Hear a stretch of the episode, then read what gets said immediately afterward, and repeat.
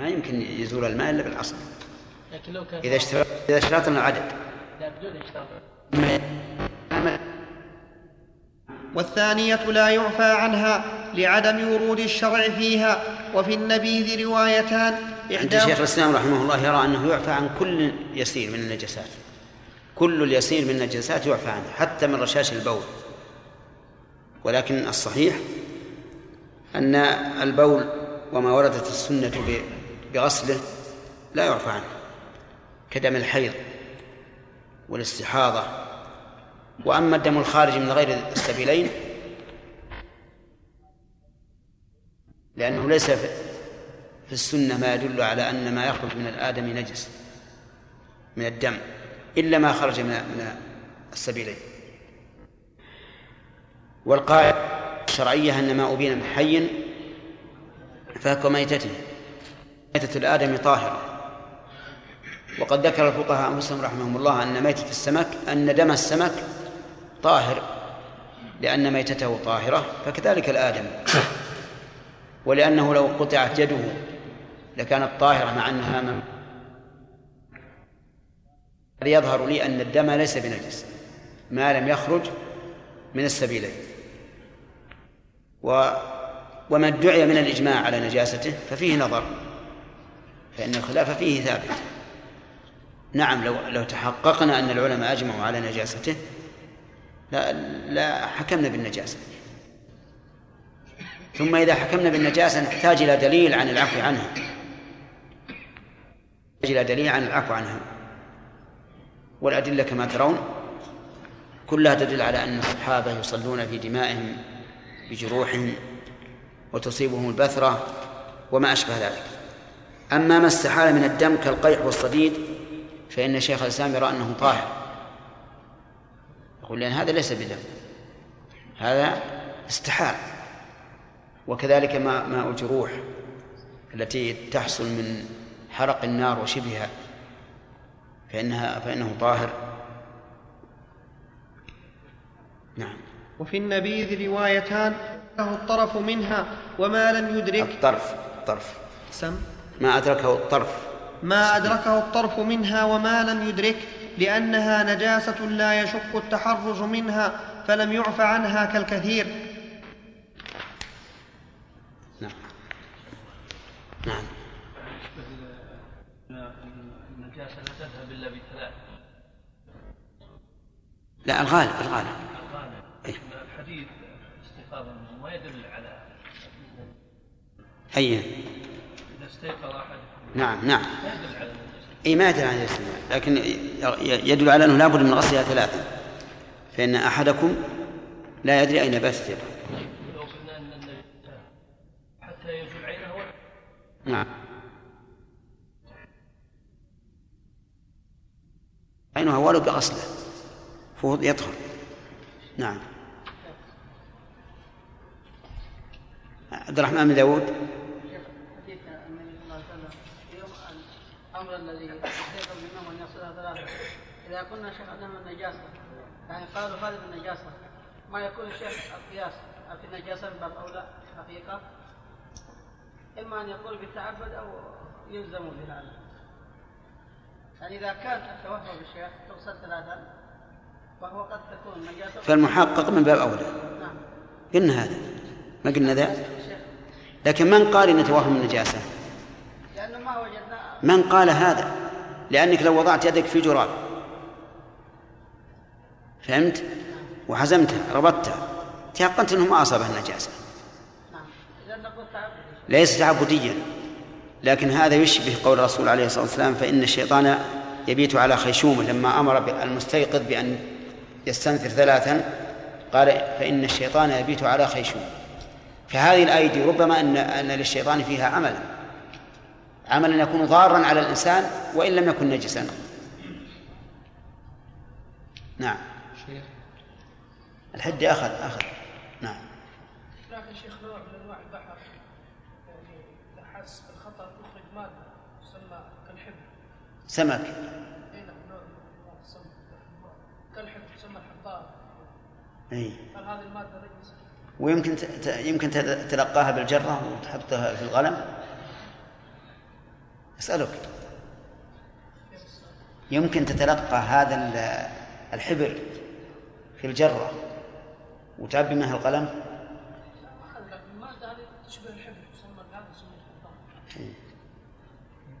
يمكن الحبر ما لا لدينا قاعدة. كل ما خرج من مأكول فهو طاهر. فهمت؟ البول من المأكول طاهر. الروث من المأكول طاهر. القي من المأكول طاهر. في ظن إن هذا الحبر ما يمكن يمحي ابدا إن كان عثرنا عليه. لأن أصلي يحتمي بهذا شيخ نعم هو يعني أجل اذا هو حبر كثير كثير يعني. يخرج هذه المادة اللي يحتمي بها لئلا يراه. يقول يمكن كثير أجل يغطيه. ندخل يا شيخ في كتاب الصلوات كتاب الصلاة. ما بقي إلا أظن كم بقي؟ خمس دقائق عندي باقي 28 ثانية. طيب. نعم. قال رحمه الله تعالى كتاب الصلاة. الصلوات المكتوبات خمس لما روى طلحة بن عبيد الله أن أعرابيا قال يا رسول الله ماذا فرض علي؟ ماذا ماذا فرض الله؟ ماذا فرض الله علي من الصلاة؟ قال, خم قال خمس صلوات في اليوم والليلة. قال هل علي غيرها؟ قال لا إلا أن تطوع شيئا متفق عليه. ولا تجب إلا على مسلم عاقل. وهذا هو الصحيح أن الوتر ليس بواجب لأن الحديث صريح في أنه ليس عليه غيرها.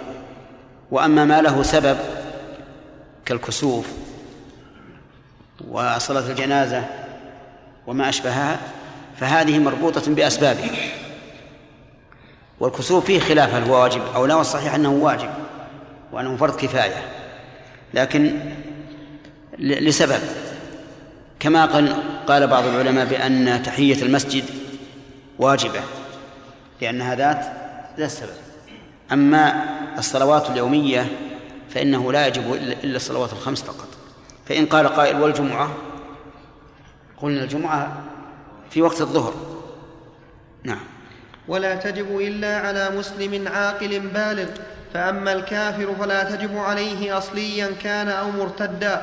وخرج أبو إسحاق بن شاقلا رواية أخرى أنها تجب على المرتد ويقائها لأنه اعتقد وجوبها وأمكنه التسبب إلى أدائها. تسبب. وأمكنه التسبب إلى أدائها فأشبه المسلم والمذهب الأول لقول الله تعالى قل للذين كفروا إن ينتهوا يغفر لهم ما قد سلف ولأنه قد أسلم كثير في عصر النبي صلى الله عليه وسلم وبعده فلم يؤمروا بقضاء ولأن في إيجاب القضاء تنفيرا له عن الإسلام فعفي عنه.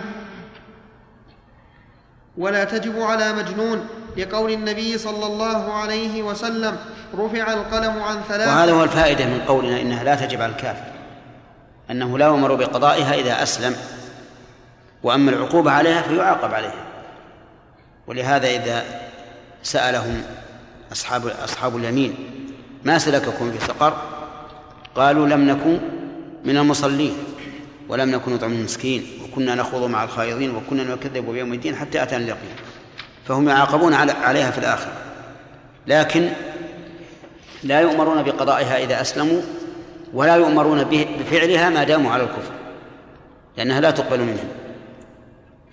بل إن الكافر يعاقب على الأكل والشرب واللباس. لقول الله تعالى قل من حرم زينة الله التي أخرج للعباد والطيبات من الرزق من الرزق قل هي للذين آمنوا في الحياة الدنيا خالصة يوم القيامة. فهي للمؤمنين خالصة يوم القيامة. وللكافرين غير خالصة. نعم. ولا نعم مش. ولا تجب على مجنون لقول النبي صلى الله عليه وسلم رفع القلم عن ثلاثة عن الصبي حتى يبلغ وعن المجنون حتى يفيق وعن النائم حتى يستيقظ. هذا حديث حسن. ولأن مدته تتطاول فيشق إيجاب القضاء عليه فعفي عنه. ولا تجب على الصبي حتى يبلغ للحديث ولأن الطفل لا يعقل والمدة التي يكمل فيها عقله وبنيته تخفى وتختلف. فنصب الشرع عليه علامة ظاهرة وهي البلوغ لكنه يؤمر بها لسبع ويضرب عليها لعشر. ليتمرن ويعتادها فلا يتركها عند بلوغ فلا يتركها عند بلوغه وتصح, وتصح صلاته ويستحب له فعلها لمن وعنه أنها تجب عليه إذا بلغ عشرا لكونه يعاقب على تركها والواجب ما عوقب على تركه. كيف يعاقب؟ بأي شيء؟ الضرب بالضرب عليه. نعم. والواجب ما عوقب على تركه والأول المذهب فإن بلغ في أثنائها أو بعدها في الوقت لزمته إعادتها لأنه صلاها نفلا فلم تجزه عما أدرك وقته من الفرض كما لو نواها نفلا وإن بلغ الصبي والصحيح خلاف ذلك أن الصبي إذا صلى ثم بلغ بعد الصلاة فإنه لا يؤمر بها لأنه فعل ما أمر به فسقطت المطالبة به. قولهم إنه فعلها على نفل فقل نعم. فعلها على نافل لأنه لأنها وقعت في حال في حال قبل أن يبلغ. وأما صلاة الظهر الصبي هذا اللي صلى ينويها صلاة الظهر. لكنها نافلة لوصف يتعلق به هو لا بها هي. نعم. وإن بلغ الصبي أو أفاق المجنون أو أسلم الكافر أو طهرت الحائض قبل غروب الشمس لزمتهم الظهر والعصر وإن كان ذلك قبل طلوع الفجر لزمتهم المغرب والعشاء لأن ذلك يروى عن عبد الرحمن بن عوف وابن عباس ولأن وقتهما وقت لكل واحدة منهما حال العذر فأشبه ما أدرك جزءا من وقت الأولى. وإن بلغ في وقت الفجر هذا هذه المسألة فيها المن- الأولى إذا طهرت المرأة أو بلغ الصبي أو أفاق المجنون أو أسلم الكافر قبل خروج وقت الثانية مما يجمع بعضهما إلى بعض فذكر المؤلف أنه يلزمه تلزمه الصلاتان الأولى والثانية والصحيح أنه لا تلزمه إلا الثانية فقط. لقول النبي صلى الله عليه وآله وسلم من أدرك ركعة من الصلاة فقد أدرك الصلاة. وفي رواية أخرى من أدرك ركعة من العصر قبل أن تغرب الشمس فقد أدرك العصر. ولم يبين أن عليه الظهر. ولأن الأثر المروي عن عبد الرحمن بن عوف وابن عباس في صحته نظر. وحتى لو صح عنهما فالدليل يخالفه. فالصواب أنه لازمها إلا ما أدركت وقته فقط. فإذا طهرت قبل مغيب الشمس ماذا يلزمها؟ العصر فقط. وكذلك إذا بلغ الصبي أو أفاق المجنون أو أسلم الكافر. المسألة الثانية المناقشة الثانية قوله وإن كان ذلك قبل طلوع الفجر لزمتهم المغرب والعشاء. الصواب أنه لا يلزمهم لا مغرب ولا عشاء إذا كان ذلك بعد منتصف الليل لأن وقت العشاء ينتهي بنصف الليل. فإن الآية والأحاديث تدل على ذلك. أما الآية فقال الله تعالى أقم الصلاة لدلوك الشمس إلى غسق الليل. ثم فصل فقال وقرآن الفجر. ولو كان وقت العشاء متصلا بالفجر لقال أقم الصلاة لدلوك الشمس إلى طلوع الفجر. إلى إلى طلوع الشمس. لدلوك الشمس إلى طلوع الشمس. ثم حديث عبد الله بن عمرو بن العاص حديث جاء جبريل. كلها صريحة بأن منتهى صلاة العشاء نصف الليل. وإذا كان هذا هو المنتهى فلا يمكن أن نزيد الوقت من, من عند أنفسنا. ولأن القياس ذلك فإن ما بين الفجر إلى الظهر نصف النهار. وما بين صلاة العشاء انتهاء صلاة العشاء إلى الفجر نصف نصف الليل. فكان هذا مقابل هذا. وأما قوله رحمه الله ولأن وقتهما وقت لكل واحد منهما حال العذر فأشبه ما لو ما أدرك فأشبه ما لو أدرك. ما لو أدرك.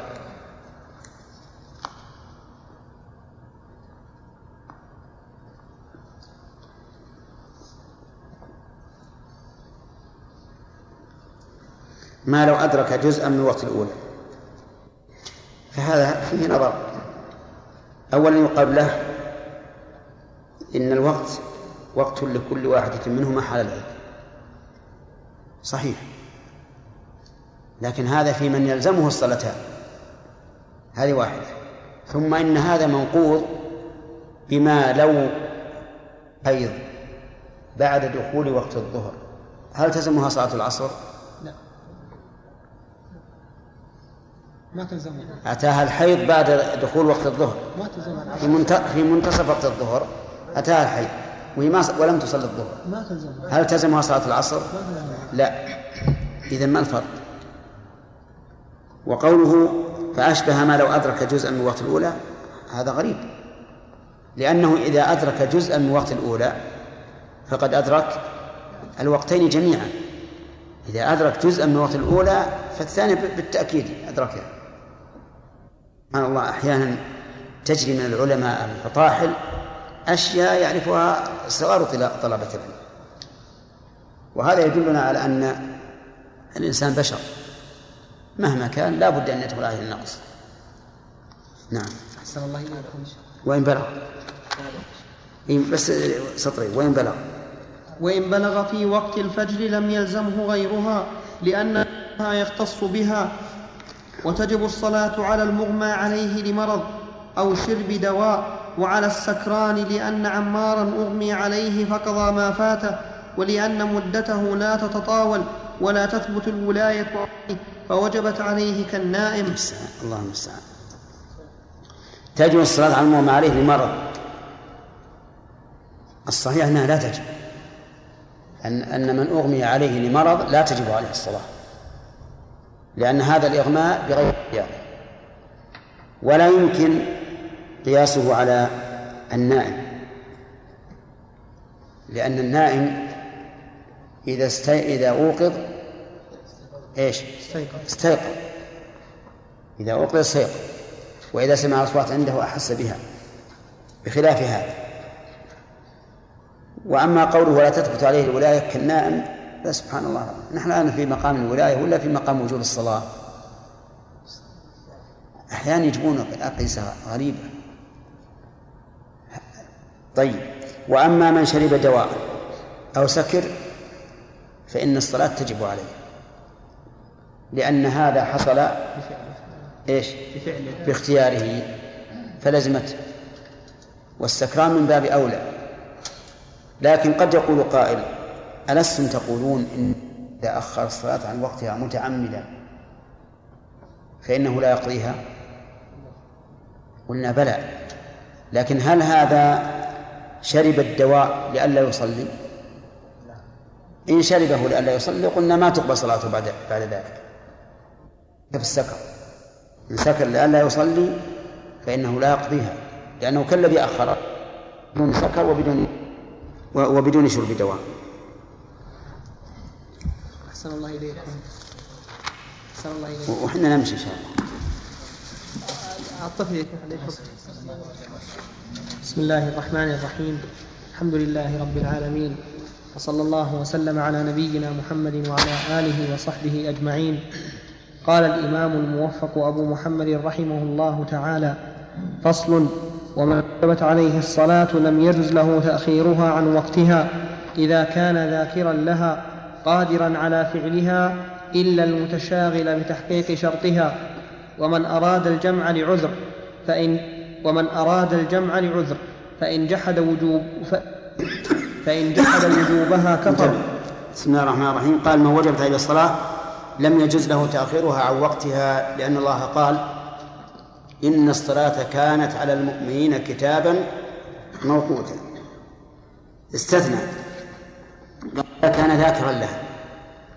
فإن كان ناسيا صلاها إذا ذكر. لقول النبي عليه وآله وسلم من نام عن صلاة ونسيها فليصليها إذا ذكرها. قادرا على فعلها هذا فيه نظر. لأنه ما من إنسان إلا ويقدر فلا يقول الإنسان والله أنا ما أقدر أصلي الآن أخرها إلى إلى الوقت الثاني. فالصواب أن أن أن الإنسان يصلي على حسب قدرته ولا يحتاج أن يشترط قادرا على فعلها إلا لمتشاغل بتحقيق شرطها هذا أيضا فيه نظر. فيه نظر من وجهين. الوجه الأول أن الأصحاب الذين استثنوا هذا قالوا إلا لمتشاءم بشرطها الذي يحصله قريبا. بشرطها الذي يحصله قريبا. مثل لو كان معه ثوب يخيطه فتضايق عليه الوقت وليس عنده إلا هذا الثوب. فهل ينتظر حتى تتم خياطته ثم يصلي بعد الوقت؟ أو يصلي في الوقت عريانا؟ هذه المسألة. الصواب أنه يصلي في الوقت عريانا لأن الوقت مقدم على كل شيء.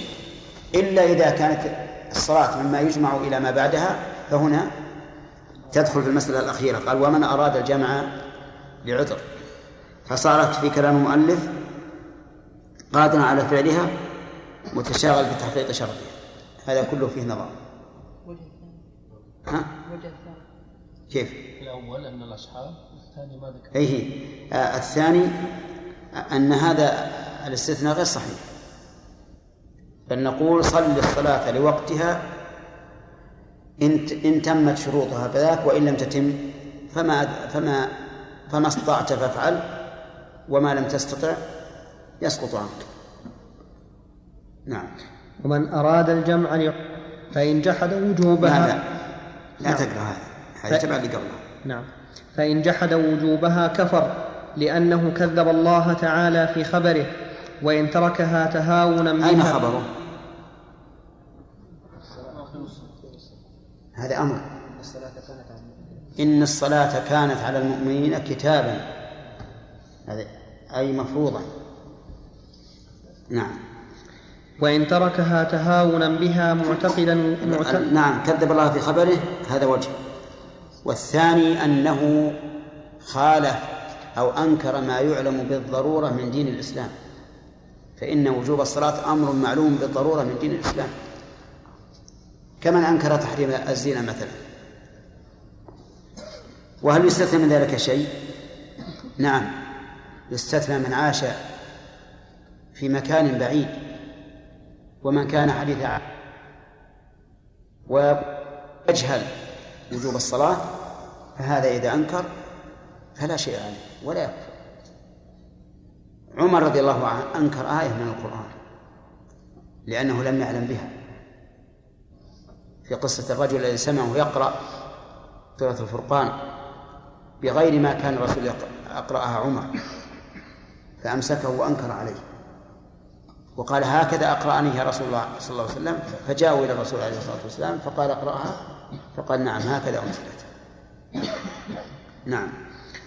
فالمهم أن من أنكر الشيء لجهله به فإنه لا يكفر. نعم. وإن تركها تهاونا بها معتقدا وجوبها وجب قتله. لقول الله تعالى فاقتلوا المشركين إلى قوله فإن تابوا وأقاموا الصلاة وآتوا الزكاة فخلوا سبيلهم التوبة الآية الخامسة. نعم ما داعي داعي. أنا عندي متن هذا. ما متن. الأولين ما هم يكتبون هذا أبدا. ولهذا اللي ما هي ما هي موجودة هنا قلت. بس أشار عليها في في الحاشية. نعم.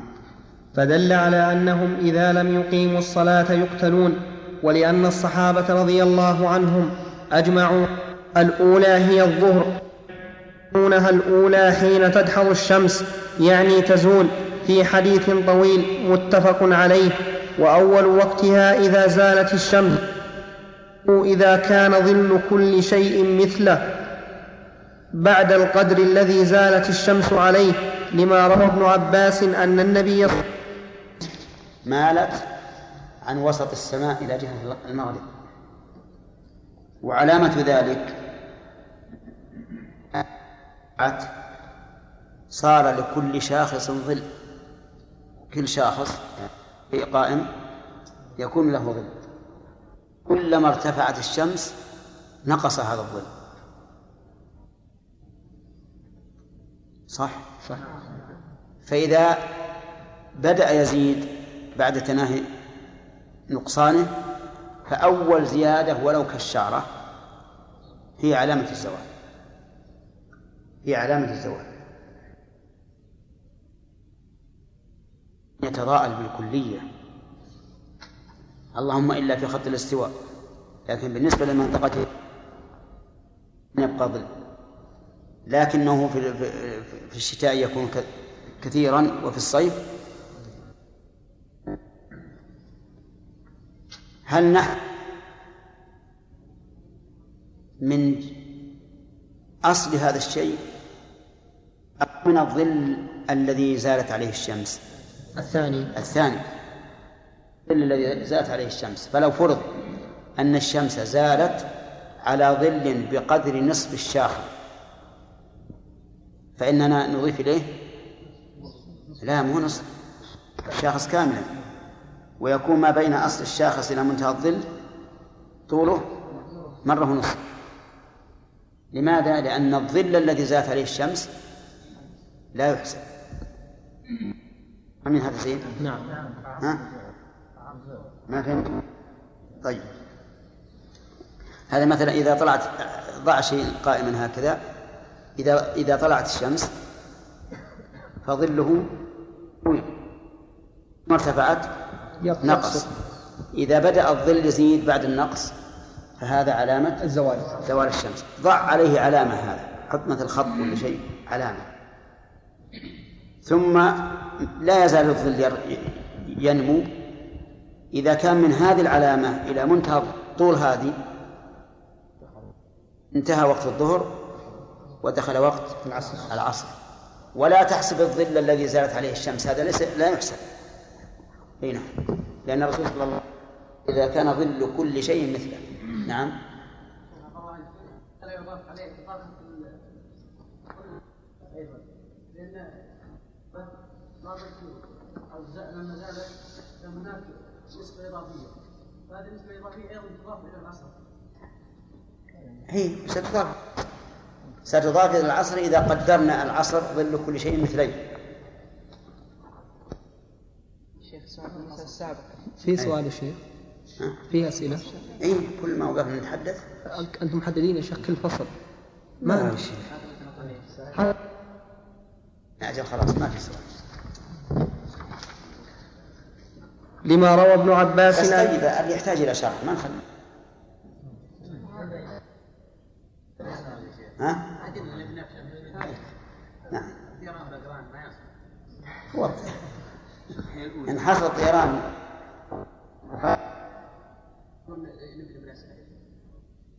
لا بس الشيء اللي يحتاج إلى تفهيم لا بد من تفهيم. نعم هذا هذا هذا حديث ببرخ صحيح. والعلماء مختلفين فيها. بعضهم يقول نعم. لأنها هي أول ما صلاها الرسول عليه الصلاة والسلام بعد أن فرضت عليه الصلوات. وهي أول أيضا جب... جبريل. نعم.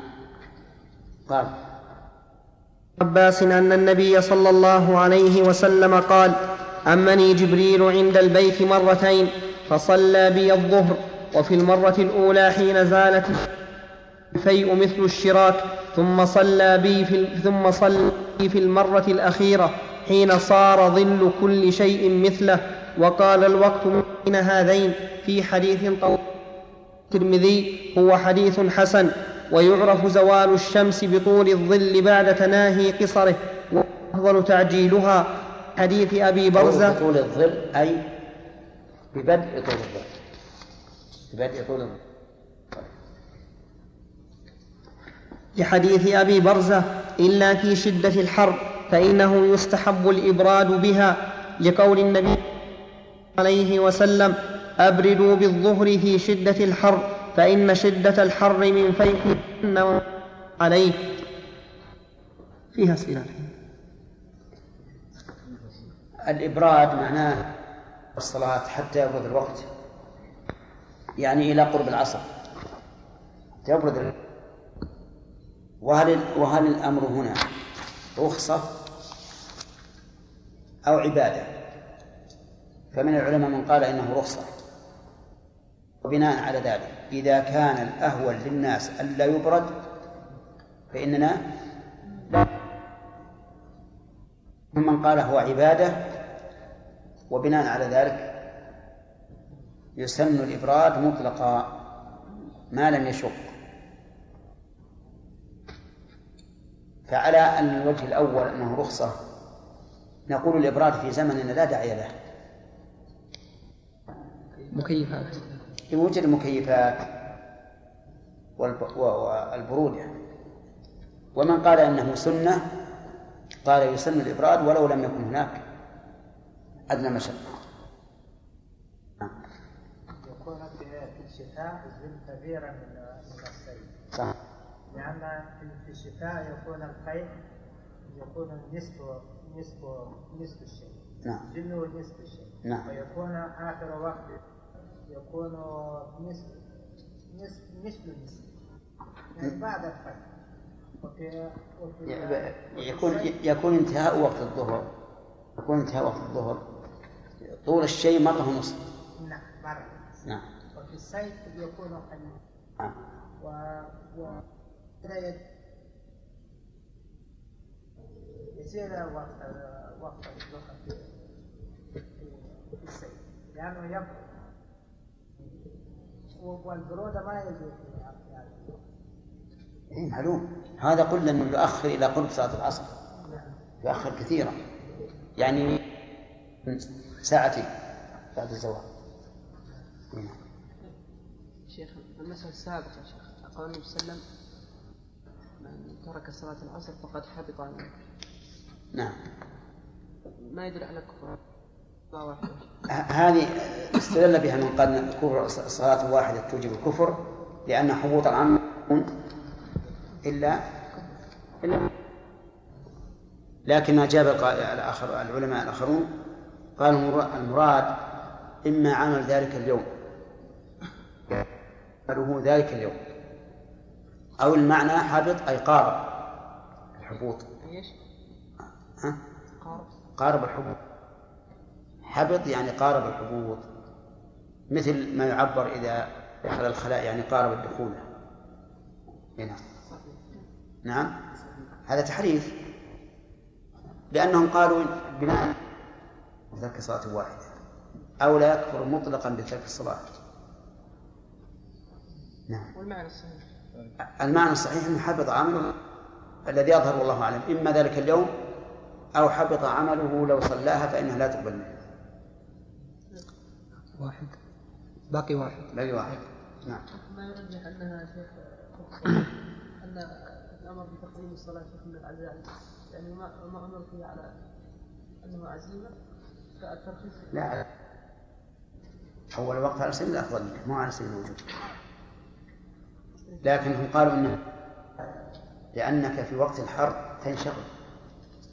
والإنسان ينبغي له في صلاته أن يزيل ما يشغله. كما أزال النبي عليه الصلاة والسلام الخميصة أي نعم.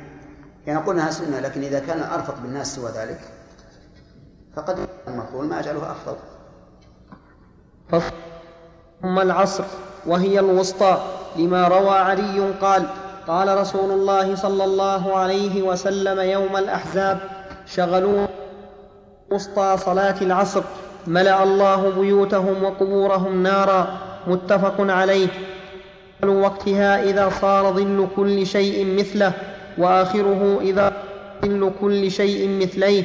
لقول النبي صلى الله عليه وسلم في حديث جبريل وصلى بي العصر ظل كل شيء ثم صلى بي في المرة, في المرة الآخرة حين صار ظل كل شيء مثليه. وعنه أن آخره ما لم, تص ما لم تصفر الشمس لما روى عبد الله بن عمر أن رسول الله صلى الله عليه وسلم قال وقت العصر ما لم تصفر الشمس رواه مسلم. ثم يذهب وقت الاختيار ويبقى وقت الجواز إلى غروب الشمس. ومن أن جزءا قبل الغروب فقد أدركها لما روى أبو هريرة عن النبي صلى الله عليه وسلم أنه قال من أدرك سجدة من صلاة العصر قبل أن تغرب الشمس ف... قبل أن تغرب الشمس فليتم صلاته متفق عليه وتعجيلها أفضل بكل حال لقول برزة في حديثه. الله صلى الله عليه وسلم يصلي العصر ثم يرجع أحدنا إلى رحمه في أقصى المدينة والشمس حية متفق عليه. والفرق بين الحديث ببعيد. يعني حديث أن يصير ظل كل شيء مثلين. وحديث الشمس ليس بينهما فرق بعيد. لأنها إذا اصفرت فقد صار ظل كل شيء مثلين. وإذا صار ظل كل شيء مثلين قربت الاصفرار ولكن يبقى هل ينتهي الوقت بهذا أو يمتد إلى الغروب؟ إلى الغروب. لكن ما بين هذا الوقت والغروب وقت ضرورة. امتداده إلى الغروب قوله صلى الله عليه وسلم من أدرك ركعة من العصر قبل أن تغرب الشمس فقد أدرك العصر. وليس المؤلف جاء بهذا اللفظ لأنه أوضح من قوله فليتم صلاته. لأن هذا ليس فيه إشارة إلى أنه أدرك ففيه الأمر بالإتمام وهذا يحصل سواء أدرك أو لم يدرك. على كل حال قد ثبت ثبت. من أدرك ركعة من العصر قبل أن تغرب الشمس فقد أدرك العصر. نعم. سمي شيخ. عندهم أسئلة ما عندهم أسئلة عندهم. ما كان شيء. على قدر. نعم. أي نعم. ثبت ذلك أيضا. فقد أدرك الفجر. أدرك الصبح. يجينا الحين مؤلف يبيع ماشي فصل فصل ثم المغرب. واحد. لا. يلا.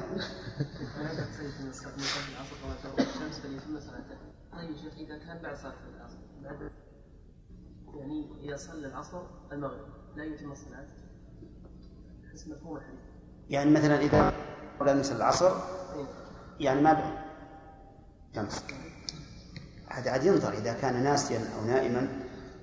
فصلاته صلاته يعني إذا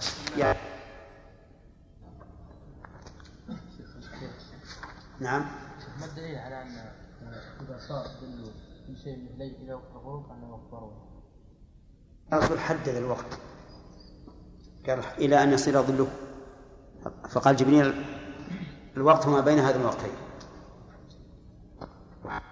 ابن عاص قال ما لم تصفر الشمس.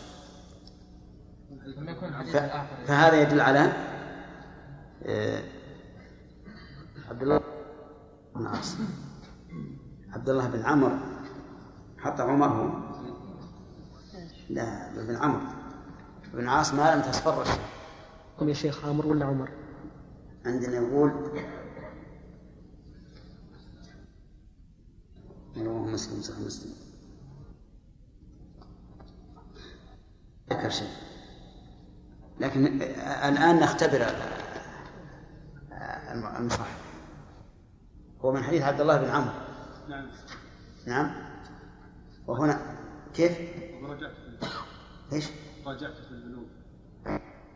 وهنا من حديث ابن عمر. لكن يراجع الأصل. إذا تبين حديث عبد الله بن عمر صار والتحقيق يحتاج تخريج وتحقيق ولا شيخ الحديث ها؟ ما ندري. شيخ.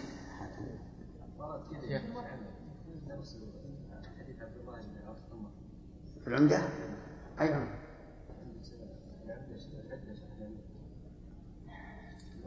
عمدة الأحكام لازم في الصحيحين. يعني الصنعاني في العدة شارح عمدة الأحكام لابن دقيق على. كل حال صحيح مسلم قريب ما هو مشكلة. يراجع. يراجع. إنما هو في البلوغ عبد الله بن عمرو معروف. إنه عبد الله بن عمرو. نعم. فصل. ثم المغرب وهي الوتر. وأول وقتها إذا غابت الشمس. وآخره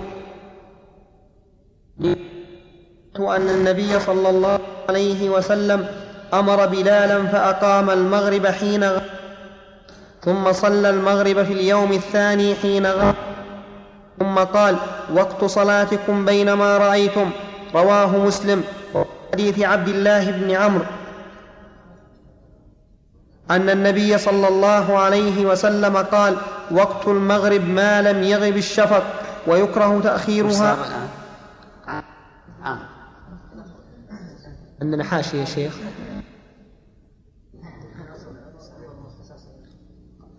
رقم 205 على كل حال هي عام عام لكن كيف ما نبه على الأول؟ ها؟ ثم ثم إحالته يا شيخ على مختصر صحيح مسلم وتركها الأصل. يشعر ليس من الأصل. ولا لا يا شيخ؟ شو؟ أقول أحسن الله إليك. إحالته هنا يقول انظر مختصر صحيح مسلم. إحالته على المختصر وعدم إحالته. ربما يشعر بأن الخطأ إنما وقع في المختصر ليس في الأصل. ما أدري والله عندي ما هي إيه. يراجع ويعدل يعني نعم. نعم. ويكره تأخيرها عن وقتها لأن جبريل عليه الله عليه وسلم في اليومين في فيها وقال جابر كان النبي صلى الله عليه وسلم يصلي إذا وجبت الشمس متفق عليه. والصحيح عدم الكراهة. صحيح أنها كغيرها الوقت فيها موسع ولكن الأفضل تقديمها. لا ما عندنا صح. ويكره تأخيرها عن وقتها بوقتها هذا مراد. نعم. فصل ثم العشاء وأول وقتها إذا غاب الشفق الأحمر. وآخره ثلث الليل لما روى النبي صلى الله عليه وسلم صلى العشاء في اليوم الأول حين غاب الشفق وصلاها في اليوم الثاني حين ذهب ثلث حديث ابن عباس في صلاة جبريل حديث عب وحديث ابن عباس في صلاة جبريل في صلاة مثله. وعن ابن عمر عن النبي صلى الله عليه وسلم قال الشفق الحمرة فإذا غاب الشفق وجبت الصلاة رواه الدار قطني وعنه آخره نصف الليل. روى عبد الله بن عمرو أن النبي صلى الله عليه وسلم قال وقت العشاء إلى نصف الليل رواه مسلم وأبو داود. أفضل تأخيرها لقول أبي برزة كان النبي صلى الله عليه وسلم يستحب أن يؤخر. متفق عليه. يستحب أن يراعي حال المأمومين لقول جابر كان النبي صلى الله عليه وسلم يصلي العشاء أحيانا يقدمها كان النبي صلى الله عليه وسلم يصلي العشاء أحيانا يقدمها وأحيانا يؤخرها إذا رآهم اجتمعوا عجل وإذا رآهم أبطأوا أخر متفق عليه. ثم يذهب وقت الاختيار ويبقى الجواز إلى طلوع الفجر الثاني على ما ذكرنا في وقت العصر. كل ما ذكره صحيح والصحيح أنه يمتد الوقت إلى نصف الليل. علماء ولعل الخلاف بين حديث جبريل وحديث عبد الله بن عمرو هو أنه هل المعتبر في الليل إلى طلوع الفجر أو إلى طلوع الشمس؟ فإن ما بين طلوع يكاد يكون هو الفرق بين الثلث والنصف لا سيما في أيام الصيف. وعلى كل حال وجه آخر أن حديث جبريل إلى ثلث الليل يعني الفعل إلى ثلث الليل. فإذا جاء ثلث فصلى والنهاية إلى نصف الليل. وإذا قدر أنه لا لم يصح. لا هذا الوجه ولا هذا الوجه. وجب الأخذ بالزيادة. معه زيادة علم. فعلى هذا يكون المعتمد في صلاة العشاء نصف الليل. وقوله جواز في هذا نظر في هذا نظر عظيم. لأن مراد الشيخ رحمه الله. بالجواز يعني وقت الأداء. فهذا عصر. لحديث من أدرك ركعة من العصر قبل أن تغرب الشمس فقد أدرك العصر. وإن كان مراده بالجواز هذا الوقت فغلط. لأن العلماء قد نصوا نصا صريحا على أن ما بين على أن ما بعد نصف الليل إلى طلوع الوقت إيش؟ ضرورة وقت ضرورة وكذلك العصر. وقول إنه يبقى إلى طلوع الفجر على ما ذكر فيه نظر أيضا. يعني امتداد وقت العشاء إلى طلوع الفجر فيه نظر. فليس عليه دليل لا من القرآن ولا من السنة ولا من الصحيح ولا الإجماع. فليس فيه قرآن ولا سنة ولا إجماع ولا قياس صحيح والصحيح أن وقت العشاء إلى نصف الليل. وأنه وأن من أخرها إلى ما بعد نصف الليل متعمدا فلا صلاة له وطهرت بعد منتصف الليل لم يلزمها صلاة العشاء لأنها طهرت بعد الوقت. والدليل حديث ابن عمرو. وقت صلاة العشاء إلى حد. والآية الكريمة تشير إلى وهي قوله تعالى أقم الصلاة لدلوك الشمس إلى غسق الليل وقرآن الفجر. فصل. قرآن الفجر يعني صلاة الفجر. فمن دلوك الشمس يعني زوالها إلى غسق الليل كلها أوقات متواصلة. إلى جنب بعض. غسق الليل وهو ظلمته وهو منتصفه هذا فاصل. وقرآن الفجر. ولا يصح أن أن تقاس على العصر. لأن ما بين نصف الليل إلى طلوع الفجر وقت الصلاة تهجد. وما بعد اصفرار الشمس إلى غروب الشمس وقت نهي. فلا يصح فلا يصح القياس.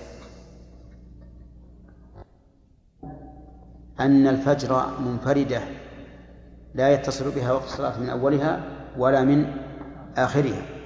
يفصل في الليل نصف الليل الأخير وفي النهار نصف الليل الأول. النهار الأول نعم. يا شيخ في الليل يتعذر شيخ تحديد نصف ساعة تقريبا. كم ساعة. ما أما والساعات بين أيدينا فإنه ليس بصعب إطلاقا. ما هو صعب؟ كيف نحدد الآن طيب. الآن إذا قدرنا أن الشمس تغرب والفجر يطلع الساعة 12 كم يصير الساعة السادسة. قلت إذا كان ما في ساعات من هم؟ من هم؟ العصر الصادق مثلا. آه دبروا أنفسهم وانتهوا. ما عندهم إشكال. أنت يفضل نفسك الآن. نعم انتهى. طيب إذا فرض ما عنده الساعة يقدم. ليش يا أخ؟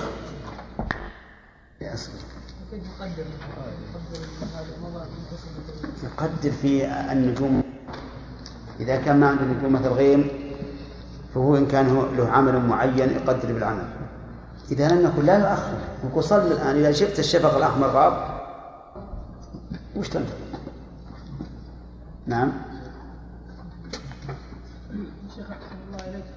كيف نجمع بين في وقت المغرب؟ حين قال ثم صلى المغرب في اليوم الثاني حين غابت الشفق حين غاب الشفق في العشاء فإذا غاب الشفق وجبت الصلاة نعم صحيح إذا غاب الشفق خرج وقت المغرب ودخل وقت المغرب ما بينهم فاصل قال حين غاب الشفق يعني قرب يعني انتهى من الصلاة حين غاب الشفق في وقت تؤدي تؤدي يعني أمس؟ إيه، تؤدي العصر. قال المؤلف رحمه الله تعالى فصل.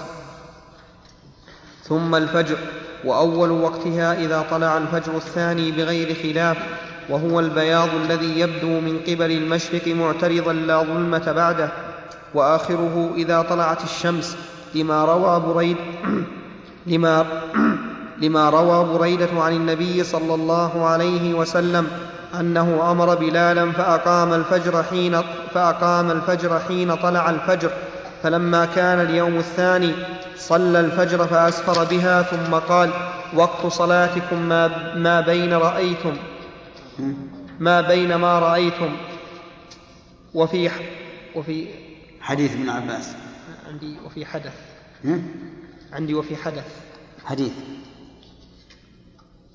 وفي حديث ابن عباس في حديث جبريل في حديث جبريل مثله والأفضل تعجيلها لما روت عائشة قالت لقد كان رسول الله صلى الله عليه وسلم يصلي الفجر فيشهد معه نساء من المؤمنات ثم ينصرفن متلفعات ثم ينصرفن متلفعات بمروطهن ما يعرفن من من الغلس.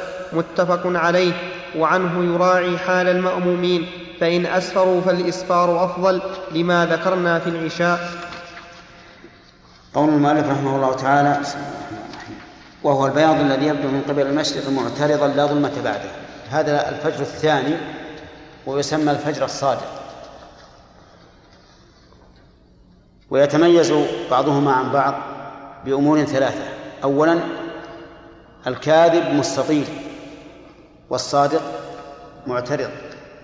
الثاني الكاذب يظلم والصادق لا ظلمة بعده. الثالث الكاذب بينه وبين الأفق انفصال بسواد بسواد الليل. والصادق ليس بينه وبين الأفق انفصال بل البياض متصل. وما ذكره من قوله عنه يراعي حال المأموم عنه يعني عن الإمام أحمد. والصحيح الأول أن الأفضل تعجيلها و ولكن إن راعى حال المأموم مراعاة ليست كثيرة كما لو راعاهم في أيام الصيف لقصر الليل فهذا لا بأس به. لكن أن يراعيهم حتى يسفر أو يكون قرب طلوع الشمس لا. نعم. شيخ أحسن الله إليكم. ذكرتم فيما قبل بأن الأذان يطلق الأذان الإقامة يطلق عليها أذان. نعم. وذكرتم بعض الأحاديث وقلتم أظنه في بعض الأحاديث بأنه أطلق الإقامة على الأذان. ألا يكون هذا الحديث فأقام الفجر حين طلع الفجر؟ كيف أقام؟ أقام الفجر حين طلعت الفجر. لا. أقام الفجر يعني صلاه مثل إقام الصلاة. لكن يقول أمر بلالا فأقام الفجر. بلال مؤذن. أمر بلالا. أي أمر بلالا يعني فأذن. فأقام النبي صلى الله عليه وسلم الفجر. يعني في في حذف. نعم. في حذف يعني. إي نعم. يدل على ان الاذان بعد طلوع الفجر ولا قبله؟ لا الأذان بعد طلوع الفجر.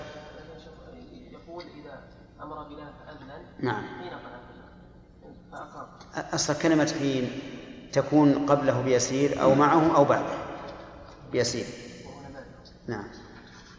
شيخ يقول فإن أسفر لما ذكرنا في العشاء. نعم. القياس هنا وجه القياس؟ إن الرسول كان يراعي المأمومين في العشاء. إذا رآهم اجتمعوا عجل وإذا رآهم أبطأوا أخر. ولكن هذه الرواية في مقابلة النص لأن الرسول كان يبادر بال- بالصبح. الغلس ظلمة الغلس الغلس الظلمة نعم. فصل وتجب الصلاة بأول الوقت لأن الأمر بها يتعلق بأول وقتها لأن الأمر بها يتعلق بأول وقتها والأمر يقتضي الوجوب ولأنه سبب الوجوب فتثبت عقيبه كسائر الأسباب ويستقر الوجوب بذلك. فلو جن بعد دخول جزء من وقت الصلاة أو حاضت المرأة لزمها القضاء لأنه أدرك لزمهما.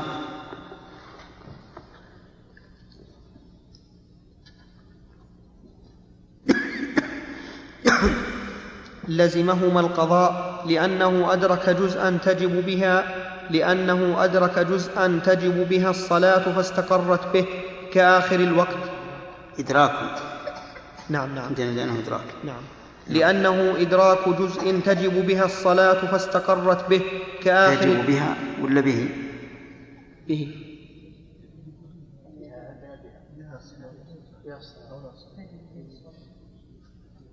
به عندكم؟ كلنا النسخ لا دعونا من الصواب النسخ الآن اللي بأيديكم. به؟ نسختك به؟ ها؟ بها؟ لا تجب بها الصلاة.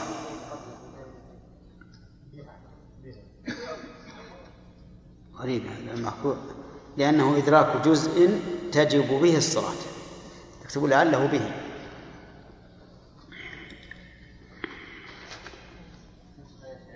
ها؟ لا لا. ما ما في النسخ كلنا صار متفق على بها. لأنه إدراك جزء تجب به الصلاة فاستقرت به كآخر الوقت وهل تجب نعم. وهل تجب العصر بإدراك جزء من وقت الظهر؟ فيه وجهان. أحدهما تجب لأنه أدرك جزءا من وقت إحدى صلاتي الجمع فلز فلزمته الأخرى كإدراك, كإدراك جزء من وقت العصر. والثاني لا تجب لأنه لم يدرك شيئا من وقتها ولا ولا من وقتها ولا ولا وقت تبعها. ولا وقت تبعها. ولا وقت تبعها. تبعها سم؟ نعم. سم؟ نعم نعم. اقرأ. أخطأ؟ اقرأ. أرجع؟ لا لا ترجمش فأشبه من لم يدرك شيئا بخلاف العصر فإنها تفعل تبعا للطهر ولا للظهر لا للظهر. فإنها تفعل تبعا للظهر فمدرك, فمدرك وقتها مدرك لجزء من وقت من وقت تبع الظهر. وكذا القول في المغرب والعشاء ومن أدرك ركعة من الصلاة قبل خروج الوقت فهو مدرك لما فهو مدرك لما روى أبو هريرة أن النبي مدرك لها. فهو مدرك لها لما روى أبو هريرة أن النبي صلى الله عليه وسلم قال من أدرك ركعة من الصلاة فقد أدرك الصلاة. وفي لفظ إذا وفي لفظ إذا أدرك أحدكم سجدة من العصر قبل أن تغرب الشمس فليتم صلاته وإذا أدرك سجدة من صلاة الصبح فليتم صلاته متفق عليه. وفي مدرك أقل من ركعة وجهان أحدهما يكون مدركا لها لأنه أدرك لأنه إدراك جزء من الصلاة فاستوى فيه الركعة وما دونها كإدراك الجماعة. والثاني لا يكون مدركا لها لتخصيصه الإدراك بالركعة وقياسا على إدراك الجمعة. والصواب أنه لا يدرك إلا بإدراك ركعة. الصواب أنه لا يدرك إلا بإدراك ركعة سواء من أول الوقت أو آخره. والصواب أيضا أنه لا تجب الصلاة التي تجمع للأخرى إذا أدرك جزءا من إحدى الصلاتين. فلو أدرك جزءا من صلاة الظهر ثم حاضت المرأة أدركت جزءا من صلاة الظهر ثم حاضت فإنه لا يلزمها إلا قضاء الظهر. ولو ولو ولو طهرت قبل خروج وقت العصر فإنه لا يلزمها إلا صلاة العصر. هذا هو الصحيح.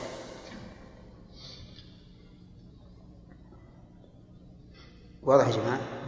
طيب.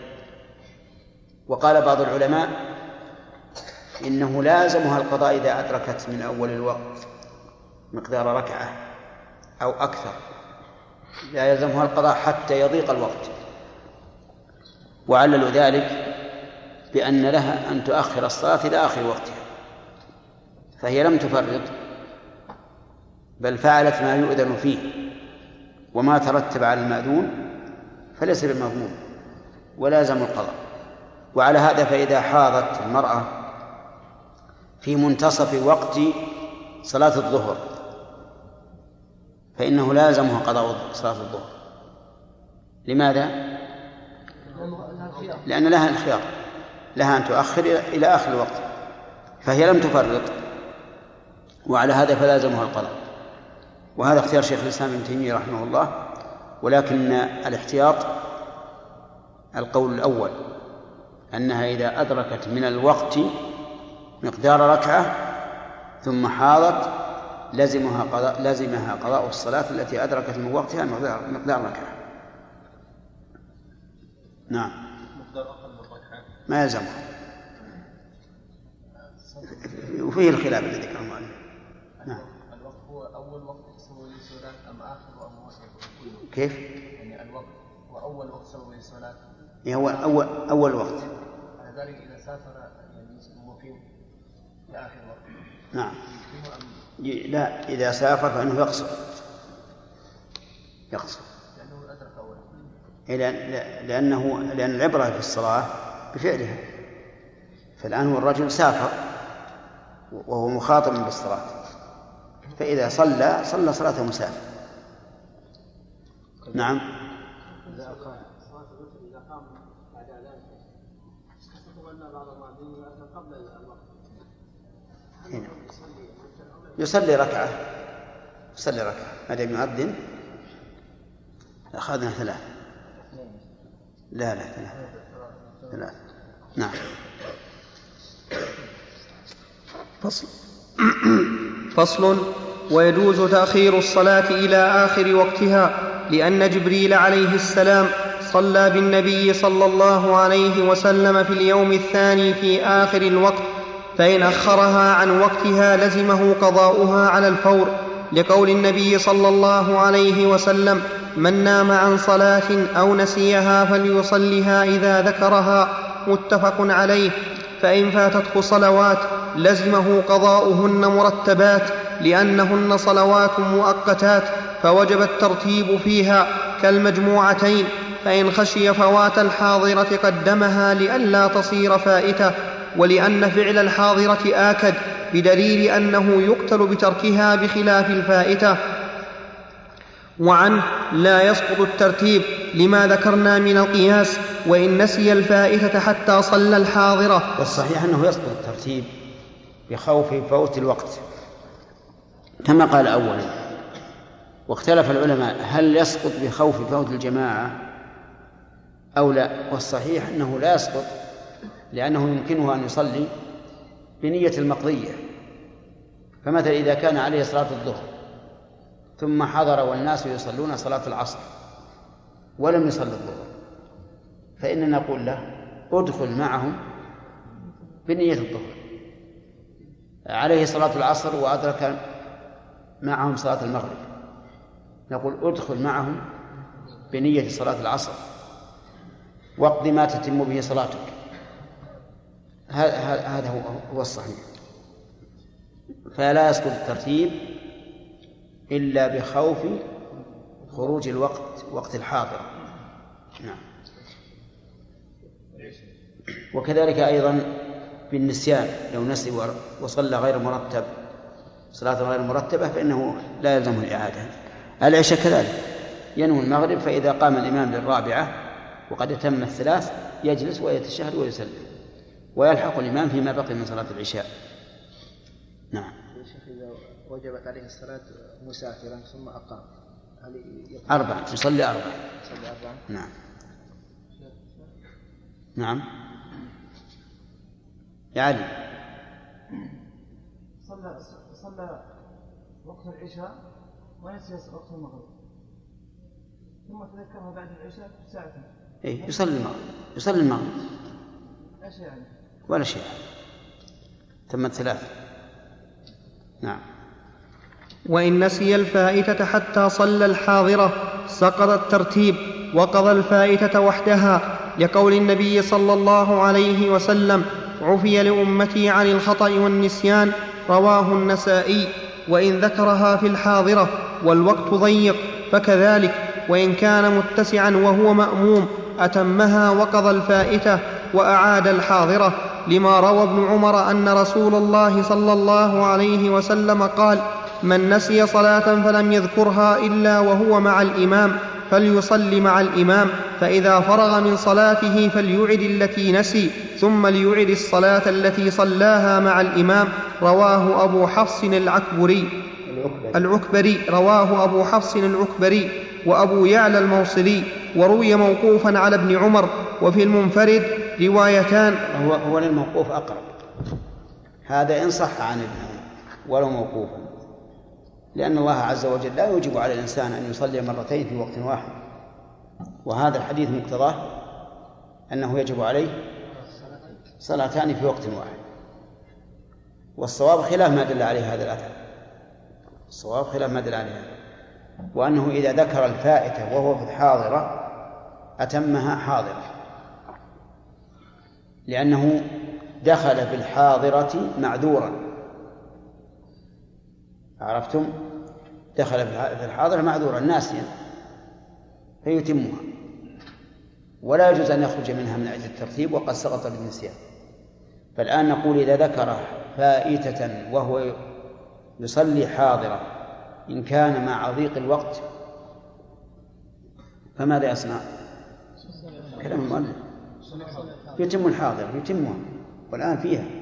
لما صلى ركعتين ذكر أنه ما صلى صلاة لوقتها عن يصلي قبلها نقول إذا كان الوقت ضيقا فأتم. ما في إشكال. لكن إذا كان الوقت متسعا وذكرت وقد شرعت في الحاضر فإن الراجع الصحيح أنك لا تقطعها تبقى مستمرا فيها. وتعليل ذلك أنك دخلت فيها وأنت معذور ولزمتك فريضة فلا يمكن أن تخرج منها بل يجب أن تبقى فيها وتستمر. ثم إذا فرغت تصلي الفائدة. نعم. وفي الم... نعم. وفي المنفرد روايتان إحداهما أنه كذلك والأخرى يقطعها وعنه في الإمام أنه ينصرف ويستأنف المأمومون. قال أبو بكر لم ينقلها غير حرب وإن كثرت الفوائد قضاها متتابعة ما لم تشغله عن معيشته أو تضعفه في بدنه. حتى وش عندكم يا شيخ؟ حتى يخشى. حتى؟ يخشى فوات الحاضر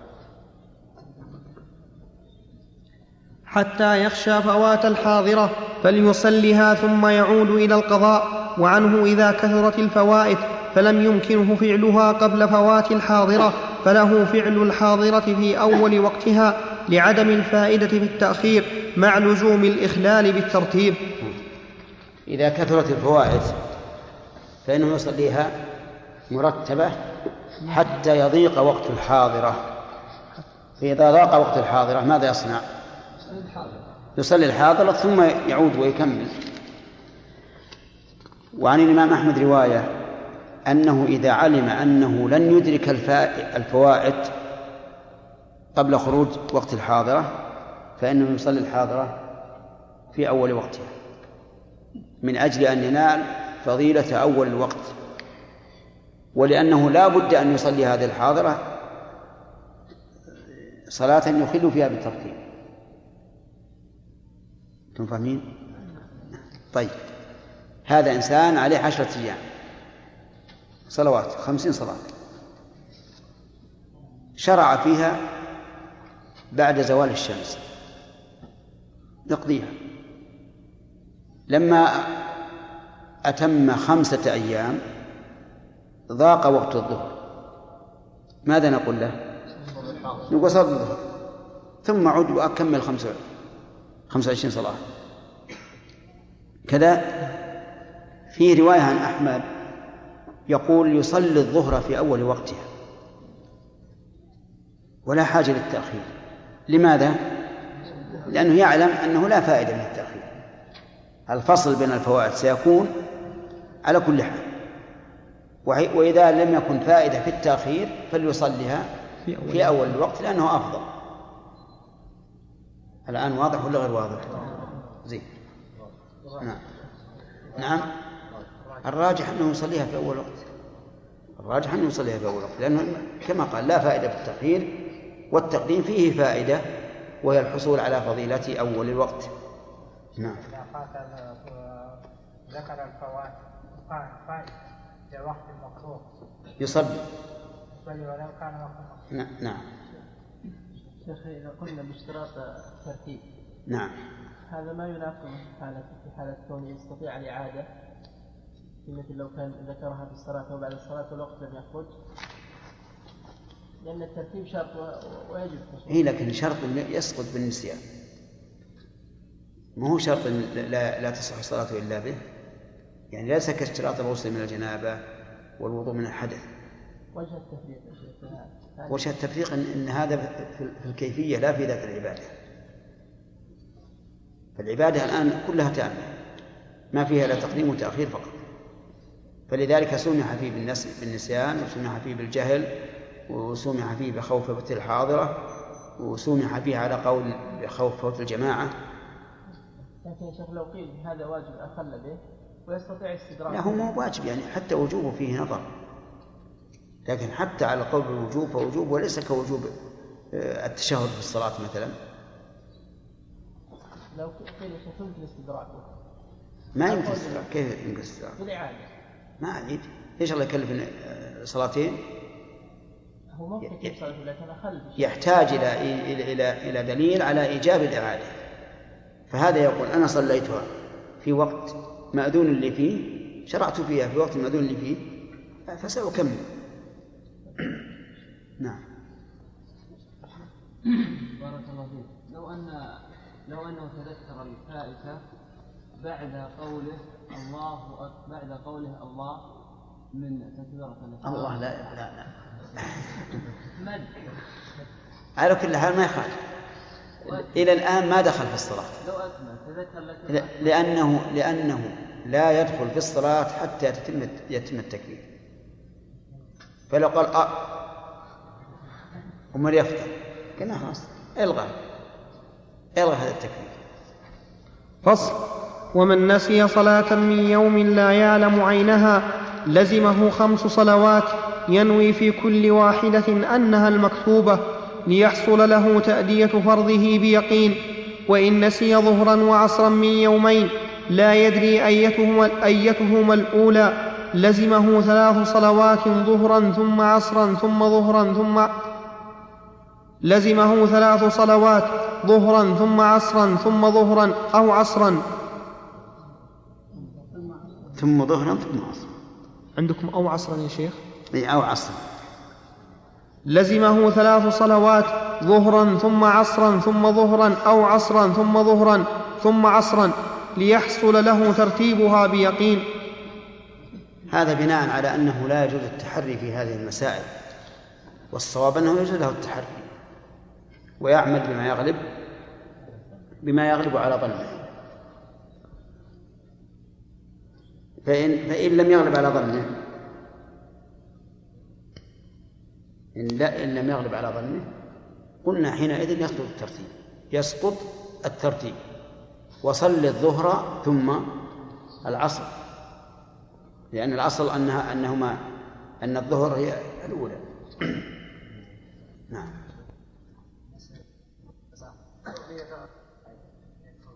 كيف؟ لا لا. لا ما لا يكفر نعم. الحكم يكون فاسقا ويؤمر يجلد حتى يصل السلامة أي نعم. لا. الفائتة وتقول أنه أبطلها. نعم. ثلاثة. اثنين. ها؟ اثنين. لو جلس خمس سنين ما يصلي يعني يصلي برضه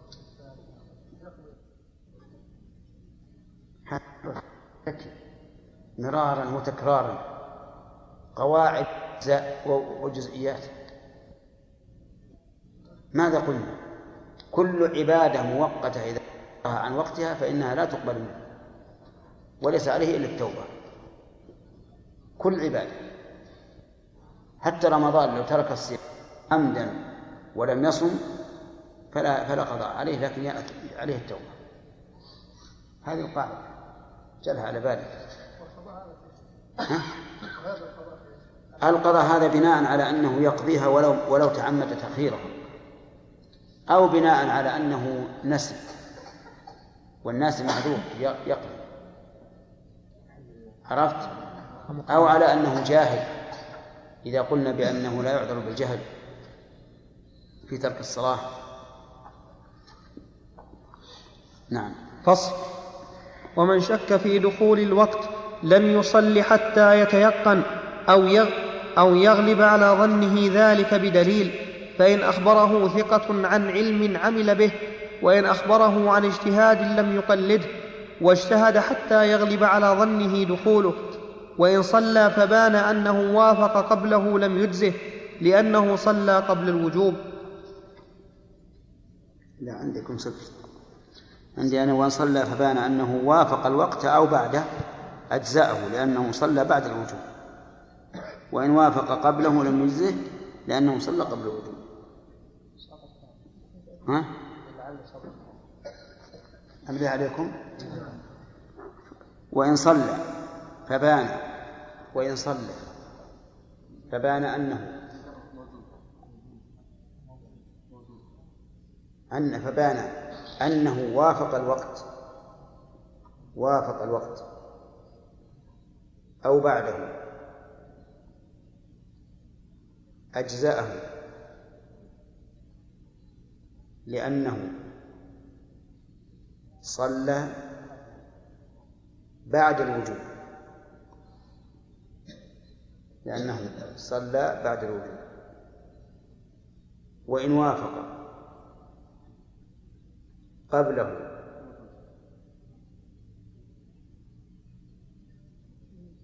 وإن وافق قبله لم يجزه لأنه صلى قبل الوجوب. نعم. طيب.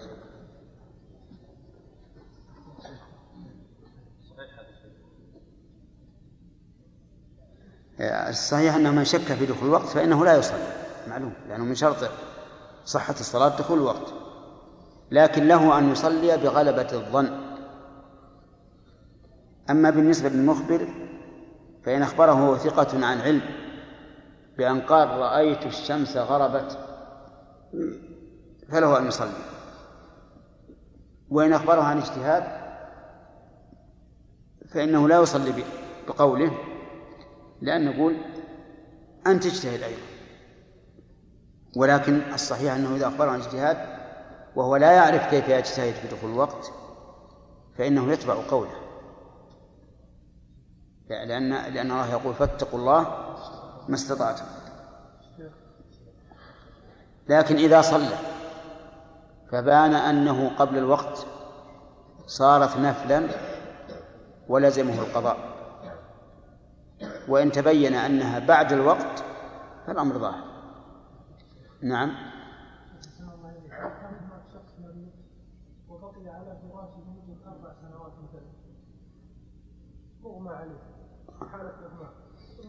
في حالة إغماء لا شيء عليه. هذه مرت علينا من قبل. نعم.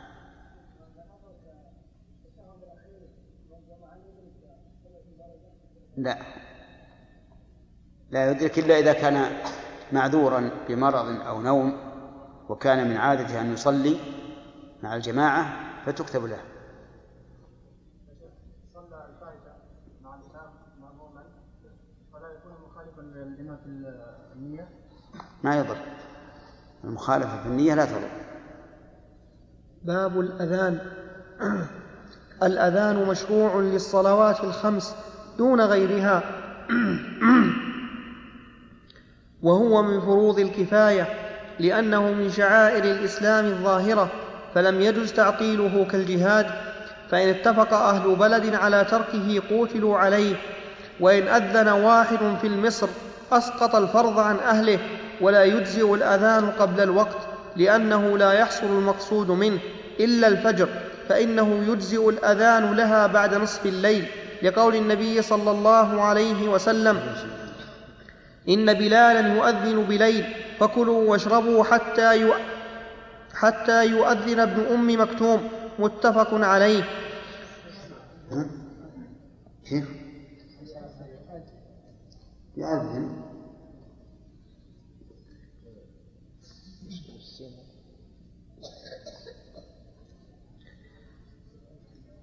نعم. ولأنه وقت النوم فيحتاج إلى التأذين قبل الوقت لينتبه النائم ويتأهب للصلاة بخلاف سائر الصلوات ولا يؤذن قبل الوقت إلا من يتخذه. عادة. إلا من يتخذه عادة لئلا يغر الناس ويكون معه من يؤذن, من يؤذن في الوقت كفعل بلال وابن أم مكتوم. ولا يجوز تقديم الإقامة على الوقت لأنها تراد لافتتاح الصلاة ولا تفتتح قبل الوقت. قول مالك رحمه الله مشروع للصلوات الخمس يعني ومنها الجمعة. كما هو معروف. وقوله رحمه الله إنه لا يجزئ إلا بعد الوقت. إلا إلا الفجر. فيه نظر. فالصواب أنه لا يجزئ إلا بعد دخول وقت الصلاة. لا في الفجر ولا في غيره وحديث أن بلالا يؤذن بليل بين النبي صلى الله عليه وآله وسلم العلة في ذلك. وقال إن بلالا يؤذن بليل ليوقظ نائمكم ويرجع قائمكم. لا للصلاة ولكن لأجل أن يوقظ النائم يتسحر ويرجع القائم يتسحر. والدليل على هذا أنه لا يجزى قبل الوقت حتى في الفجر. قول النبي صلى الله عليه وآله وسلم لمالك بن حويرث إذا حضرت الصلاة فليؤذن لكم أحد. إذا حضرت وهي لا تحضر إلا بعد دخول الوقت ولأن الأذان إعلام بدخول الوقت فكيف يصح قبله؟ لكن المؤلف رحمه الله قال ويكون معه من يؤذن في الوقت.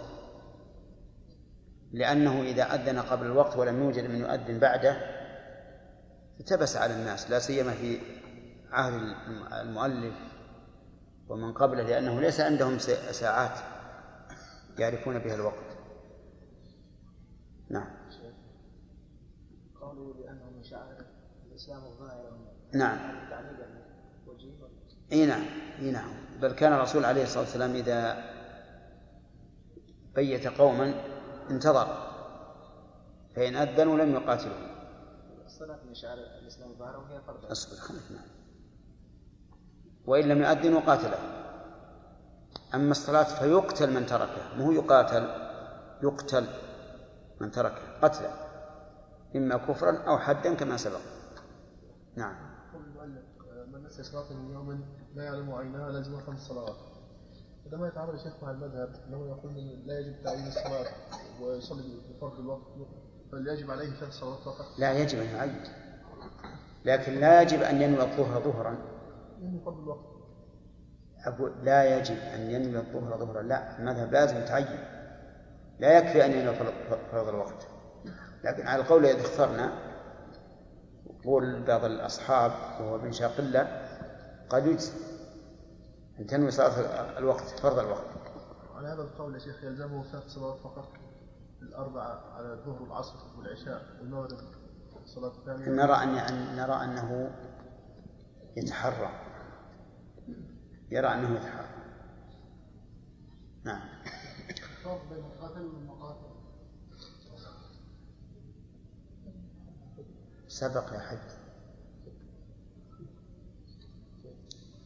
أرجع إلى الشريط فصل. ويذهب أبو عبد الله إلى أذان بلال الذي أريه عبد الله بن زيد كما سم. أريه. الذي أريه عبد الله بن زيد كما روي عنه أنه قال لما أمر رسول لما أمر رسول الله صلى هناك فرق بين أريه وأريه؟ أريه فعل مضارع. وأريه فعل ماضي. فعل ماضي مبني المجهول. جزاك الله خير. كما روي عنه أنه قال لما أمر رسول الله صلى الله عليه وسلم بالناقوس ليضرب به للناس لجمع الصلاة طاف بي وأنا نائم رجل يحمل ناقوسا فقلت يا عبد الله أتبيع الناقوس؟ قال وما تصنع به؟ قلت ندعو به إلى الصلاة. قال أفلا أدلك على ما هو خير من ذلك؟ فقلت بلى. فقال تقول الله أكبر الله أكبر الله أكبر الله أكبر. أشهد أن لا إله إلا الله أشهد أن لا إله إلا الله أشهد أن محمدا رسول الله أشهد أن محمدا رسول الله. حي على الصلاة حي على الصلاة حي على الفلاح حي على الفلاح. الله أكبر الله أكبر. لا إله إلا الله. قال ثم استأخر عني غير بعيد. ثم قال تقول إذا أقمت الصلاة الله أكبر الله أكبر. أشهد أن لا إله إلا الله. أشهد أن محمدا رسول الله. حي على الصلاة حي على الفلاح. قد قامت الصلاة قد قا قد قامت الصلاة قد, قد قامت الصلاة. الله أكبر الله أكبر. لا إله إلا الله فلما أصبحت اتيت, أتيت النبي صلى الله عليه وسلم فأخبرته بما رأيت فقال إنها لرؤيا حق إن شاء الله حق. إنها لرؤيا حق إن شاء الله فقم مع بلال فألق عليه ما رأيت فليؤذن به فإنه أندى صوتا منك رواه أبو داود بهذا رواه أبو داود بهذا فهذا صفة الأذان. فهذا صفة الأذان؟ فهذا صفة الأذان والإقامة المستحب لأن بلالا كان يؤذن به حضرا وسفرا مع رسول الله صلى الله عليه وسلم إلى أن مات. وإن, رج وإن رجع في الأذان أو ثنى الإقامة فلا بأس لأنه من, الاخت... من لأنه من الاختلاف المباح. ويستحب أن يقول في أذان الصبح بعد حي على الفلاح الصلاة خير من النوم مرتين. لما روى أبو محذورة أن رسول الله صلى الله عليه وسلم قال له إن كان في أذان الصبح قلت قلت الصلاة خير من النوم مرتين رواه, رواه النسائي ويكره التثويب في غيره لما روى بلال قال أمرني رسول الله صلى الله عليه وسلم أن أثوب في الفجر ونهاني أن أثوب في العشاء رواه ابن ماجه. ودخل ابن عمر مسجدا يصلى فيه يصلي فيه فسمع رجلا فسمع رجلا يثوب في أذان الظهر فخرج وقال أخرجتني البدعة. وأشد من ذلك بدعة من إذا أذن قال صلاة صلاة صلاة صلاة في المنار.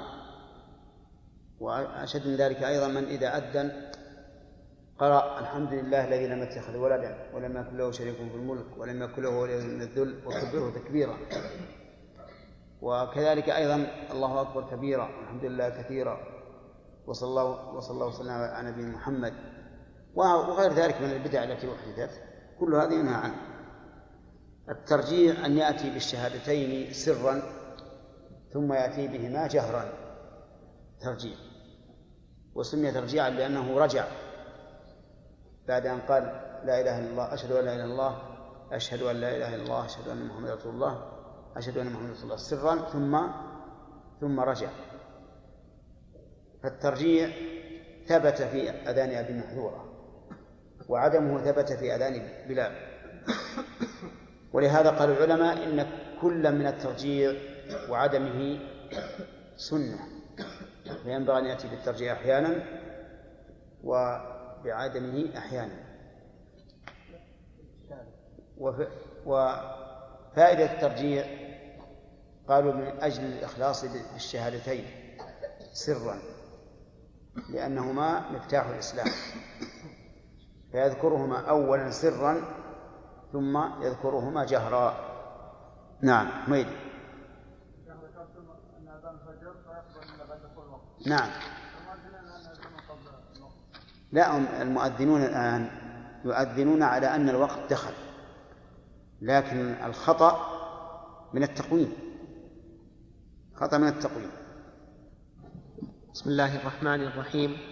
الحمد لله رب العالمين وصلى الله وسلم على نبينا محمد وعلى آله وصحبه أجمعين. قال المؤلف رحمه الله تعالى فصل ويسن الأذان للفائتة. لأن النبي صلى الله عليه وسلم فاتته الصبح فقال يا بلال قم فأذن. ثم صلى ركعتين ثم أقام ثم صلى الغداة متفق, متفق عليه. وإن كثرت الفوائت أذن وأقام للأولى ثم أقام للتي بعدها لما روى ابن مسعود. عندكم متفق عليه؟ أنا عندي رواه أبو داود وروى نحوه أحمد والنسائي. من يراجع لنا. ها؟ عند؟ طيب اكتب. جيب لي ثلاجة اللي, اللي يلتزم بشيء يكتب. نعم أظن فيه تخريج إحنا ماشيين على التخريج. توقف.